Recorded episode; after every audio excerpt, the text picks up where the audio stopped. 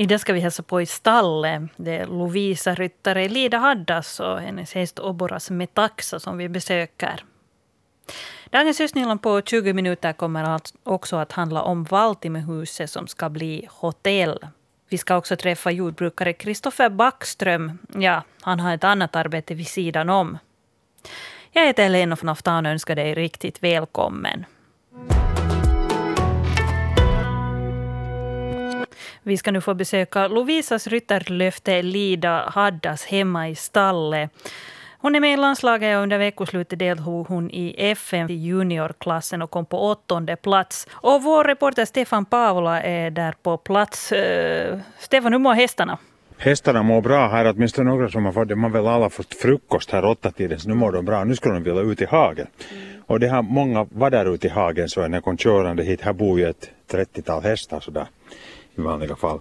Men här med, med Lide Haddas såg vi en vacker sommarmorgon här i norr om Lovisa. Vad kan det nu vara? En fem kilometer kanske från Lovisa centrum norrut hit till Påvalls by och tittar ut över de vackra ängarna, åkrarna och hästhagarna.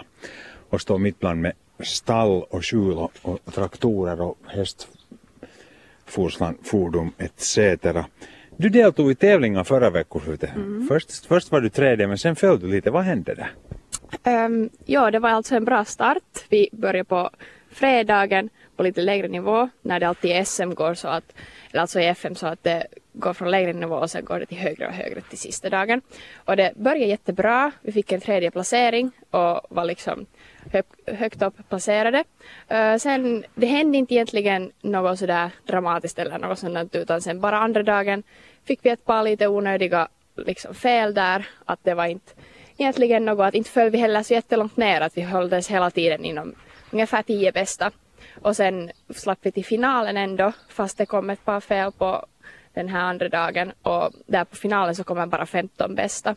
Så jag var ganska nöjd där att vi liksom vi tog oss dit ändå fast det blev lite kanske blev lite sån där osäkerhet däremellan men allt liksom kändes helt bra.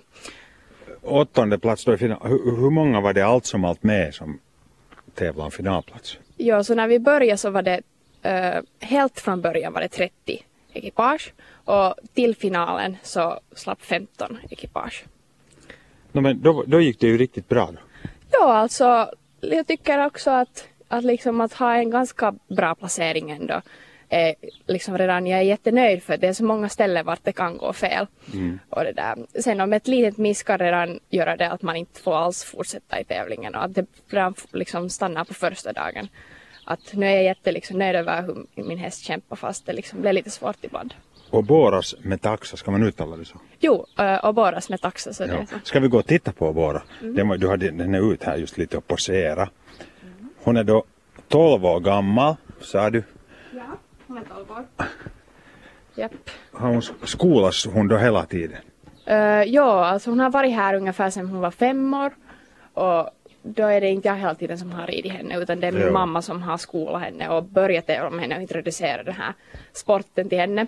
Och sen därifrån har jag sen fortsatt och hon blir hela tiden duktigare och duktigare och hon har inte aldrig haft liksom tidigare erfarenhet. Det där var inte Oboro, det var en annan. Nej, det var, det var kompisen där bredvid. ja, men det där, hon har inte själv haft uh, erfarenhet av så stora banor som jag nu tävlar med henne. Så allt som, ja, som är nytt för mig så är det också nytt för henne. Så jag är liksom jättenöjd över hon presterar ändå liksom att allt är ändå helt nytt åt henne på den här nivån. Hon verkar jätteduktig men lite kanske sådär rastlös. Jo, alltså här på morgonen så är nog ganska många delar av det här stallet är nog lite rastlösa att ja. det vill nog bli. Vågar man paja en henne då? Jo, det Eller bits hon? Ska vi se? Nej, jättesnälla hon. Jo, och bara. Nu ska vi se om jag vågar. Ser du? Ja. Oj vad du är duktig och fin är du ju. Du har fått lite målning där på pannan. när det är nog riktigt färg. Nej, det är, det är du riktigt fy och duktig. Jag borde ha haft en morot men det skulle jag säkert tycka om.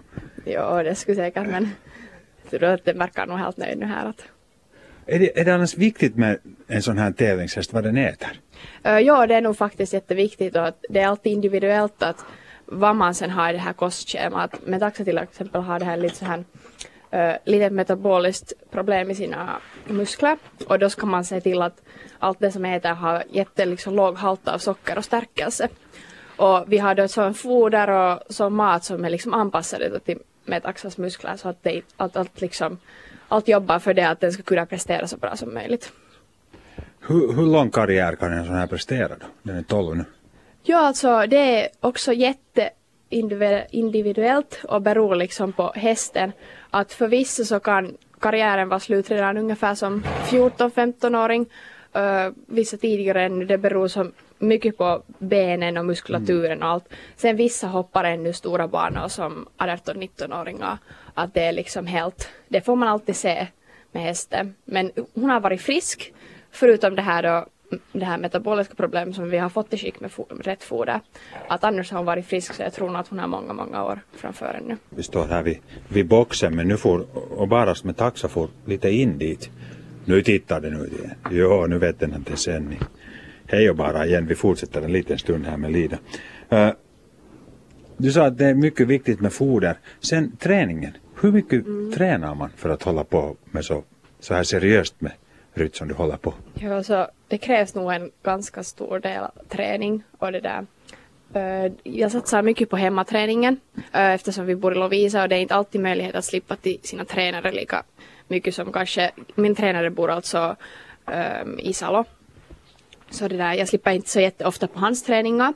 Så då är det jätteviktigt att jag håller min hemmaträning i skick. Och det är nog uh, ungefär sex dagar i veckan som jag alltid har så här planerat träning, att vad jag gör hemma. Och, uh, sen min mamma, hon är, ganska, hon är ju ridlärare. Så hon vet jättemycket om hästens träningar och ridning överhuvudtaget så jag får jättemycket hjälp av henne i min vardagliga träning som är jättestor fördel faktiskt. Att jag känner mig inte ensam när jag ska hålla henne i skick och träningen i skick. Så. Uh, uh, när du, du sa sex gånger i veckan, hur, lång, hur länge ungefär håller du på då per dag? Mm. No, just sådär när jag rider en häst åt gången så kanske ungefär 45 minuter håller jag liksom på och sen alltid plus med att sköta om de där hästarna och sen jag rider ungefär två till tre hästar per dag. Att det där, ja, så jag har ju andra hästar också som jag har en en sexåring som jag skolar och så har jag också en annan tävlingshäst men som inte är på lika hög nivå som Metaxa just nu men håller på att bli lika bra så. Men du har skapat säkert då ett förhållande med den här Metaxa. Kan en sån här häst vara ibland sådär att det är en sån dag att nu vill jag inte? Uh, jo, det kan nog den. Metaxa har jättestort temperament eller den är liksom jättestark i sina åsikter. Att då när man får henne på liksom sin egen sida så är hon liksom jätteunderbar. Och det är hon liksom största delen av tiden med mig för att jag känner henne och jag vet vad som krävs för att hålla henne nöjd. Men sen om hon har just sådana dag att hon inte riktigt orkar som man ser nog, man märker nog hennes liksom attityd. Att det är nu alltid att när det råkar vara att om det är på tävling så måste jag vara lite extra liksom sträng och sådär liksom lite guida henne mera. Men det där, om jag bara känner av det rätt så, så sköter det sig. Att det liksom hindrar ingenting om hon har lite liksom värre dag. Men det där, faktiskt i träningen också att om hon, om hon inte alls skulle orka göra så kanske jag ändrar lite på det där att jag har lite friare träning att hon får liksom riktigt släppa loss och ta energin ut. Men största delen av tiden så är hon med mig och hon är riktigt snäll. Så man ska liksom kringgå konflikter och inte liksom öka på det? Ja, det är just det där att liksom, de är så starka stora djur att det är att, att gå i en sån där stor konflikt med dem så det, är inte, det leder inte ofta till liksom bra. Att jag försöker såklart att om det är något sånt som är ett problem och vi måste slippa över så måste vi ju liksom ta itu med det men annars så ska jag försöka bara göra allt som att vi båda hålls liksom glada. No, framåt då, tävlingar, hur ser det ut? Uh, ja, alltså till skillnad från förra året så var liksom FM jättemycket tidigare. Och det här gör då att det blir liksom lite annorlunda i vårt tävlingsschema. Och nu efteråt, nu efter de här FM-tävlingarna, så ska vi lite titta igen att vad vill vi liksom ha i vår kalender. I, senare i höst så har vi inomhus-FM som är liksom för liksom när man tävlar i manege och i hall. Och det är liksom, det, dit ska vi. Det är allt säkert men att vad som kommer före det så det är vi inte helt 100% säkra på ännu. Att hon ska få ta det lite mer lugnt nu ett par veckor och så ser vi igen med träningen att vart någonstans vi är. Att det kommer några Grand Prix-tävlingar som är ganska höga som jag mm. kanske funderar på ännu att kanske ta dem ännu mer. Okej, tack ska du ha Lide Hannos och tack Och bara att vi fick ha det med i radio. Vad säger du till det?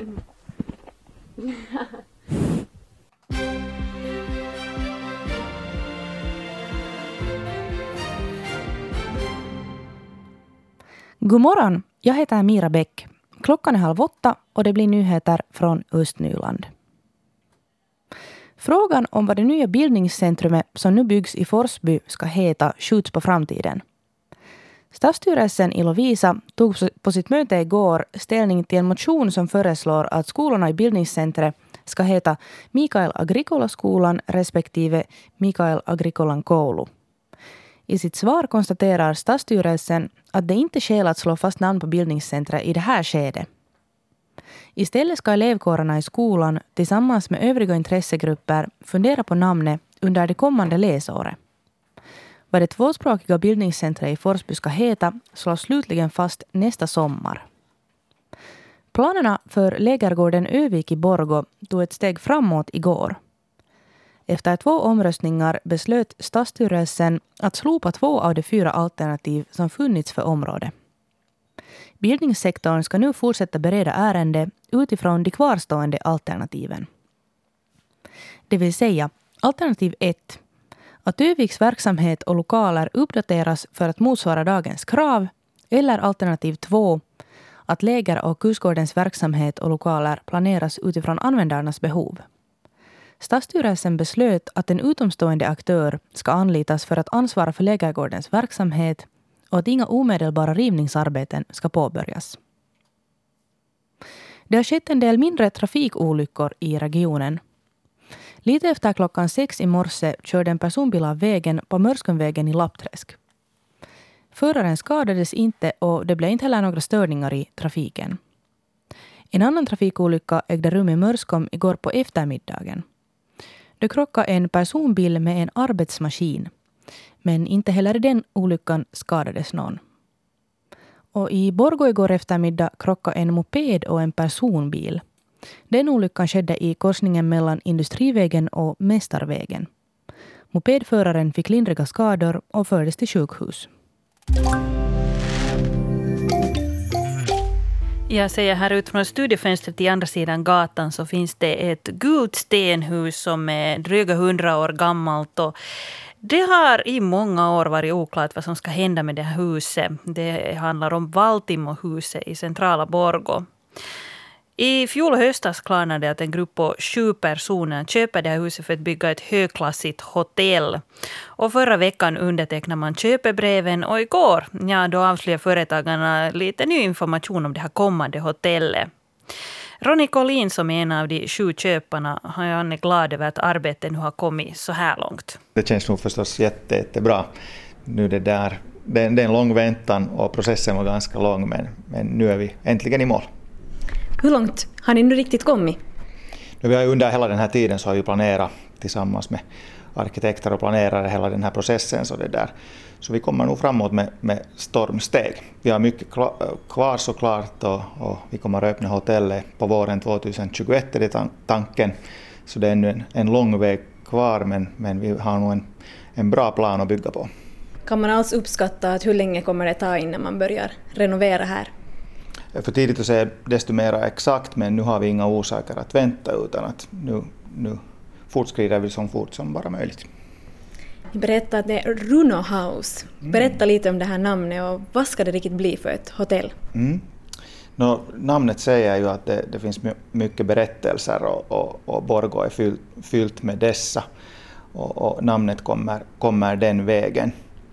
Överhuvudtaget så, så vill man ju ha, ha, ha berättelser och, och veta vad, det, vad liksom bakgrunden är. Eh, hotellet i sig själv, som, som Erka, vår VD, berättade tidigare om, så kommer att vara, vara ett högklassigt hotell, men som ska kännas som ett hem.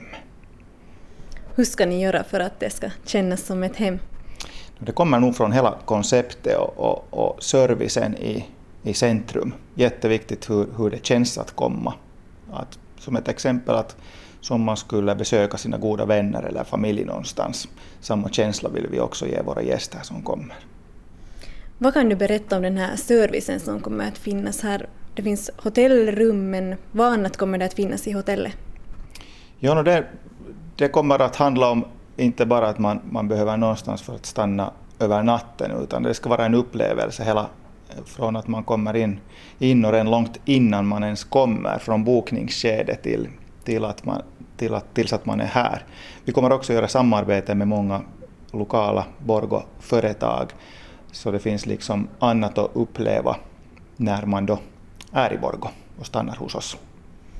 Kommer vanliga invånare som inte vill sova här att ha någonting att göra här i huset eller är det bara för hotellgäster? Mm, absolut inte, utan, utan vi har, vi har vid första våningen så kommer vi att bygga ett så kallat vardagsrum där alla, alla lokala är också välkomna. Och, och hela konceptet och allt som vi talar för så ska det vara lätt att komma hit. Att Kommer det att vara någon mat och dryck också eller mm. vad, vad, kommer det att finnas i det där mm. vardagsrummet? Ja, vi, kommer också, vi har en restaurang och bar i första våningen också och, och frukost och, och, så kommer vi ha på veckosluten kommer vi ha bruncher och, och, så vidare. Den där röda tråden är ju att det ska vara personligt och, och, och hela, hela servicekonceptet handlar om att det ska kännas som man är, man är hemma. Från benämningen på rummen till allt annat också. Under de senaste åren har jordbruket blivit mindre lönsamt och det finns många jordbrukare som inte bara kan leva på sin gård. Vi har träffat Kristoffer Backström. Han har både jordbruk och ett annat arbete vid sidan om. Vete åkrar. Det lönar ju sig förstås en, till en del men att inte, det är ju en hobby.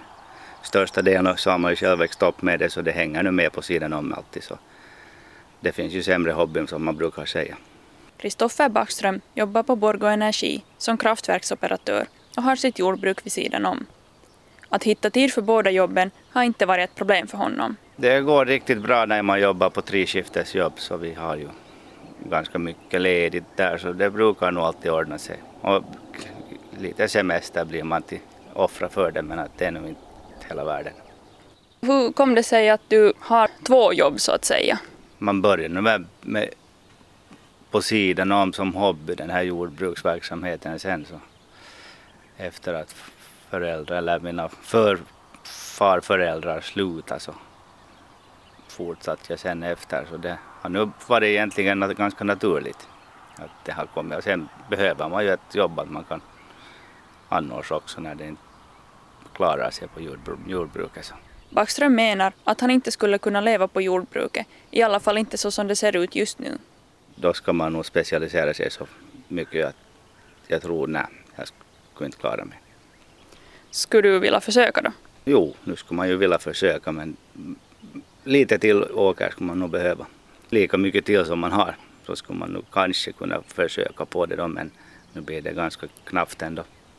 Att helt och hållet sluta med jordbruket ser han inte som ett alternativ man har ju som från liten varit med alltid i det här jordbruket som, som det hör nog till. Inte tror jag man skulle lämna bort det heller, inte skulle man klara det. Åkrarna i Vålax har Kristoffer Backström tillsammans med sin fru, men han har också åkrar i Sibbo. Vi har två små gårdar som vi odlar. I Sibbo har vi mitt hemställe som vi också odlar, som vi kör här emellan. Hur fungerar det då? Mm, riktigt bra nog. Man flyttar sig till ena stället så gör man färdigt och så kommer man hem tillbaka och gör här. I familjen Backström är det inte bara Kristoffer som är engagerad i jordbruket. Det är ett familjejordbruk som sagt så brukar nog alla vara med och, som bara vill och har gnistan. Så.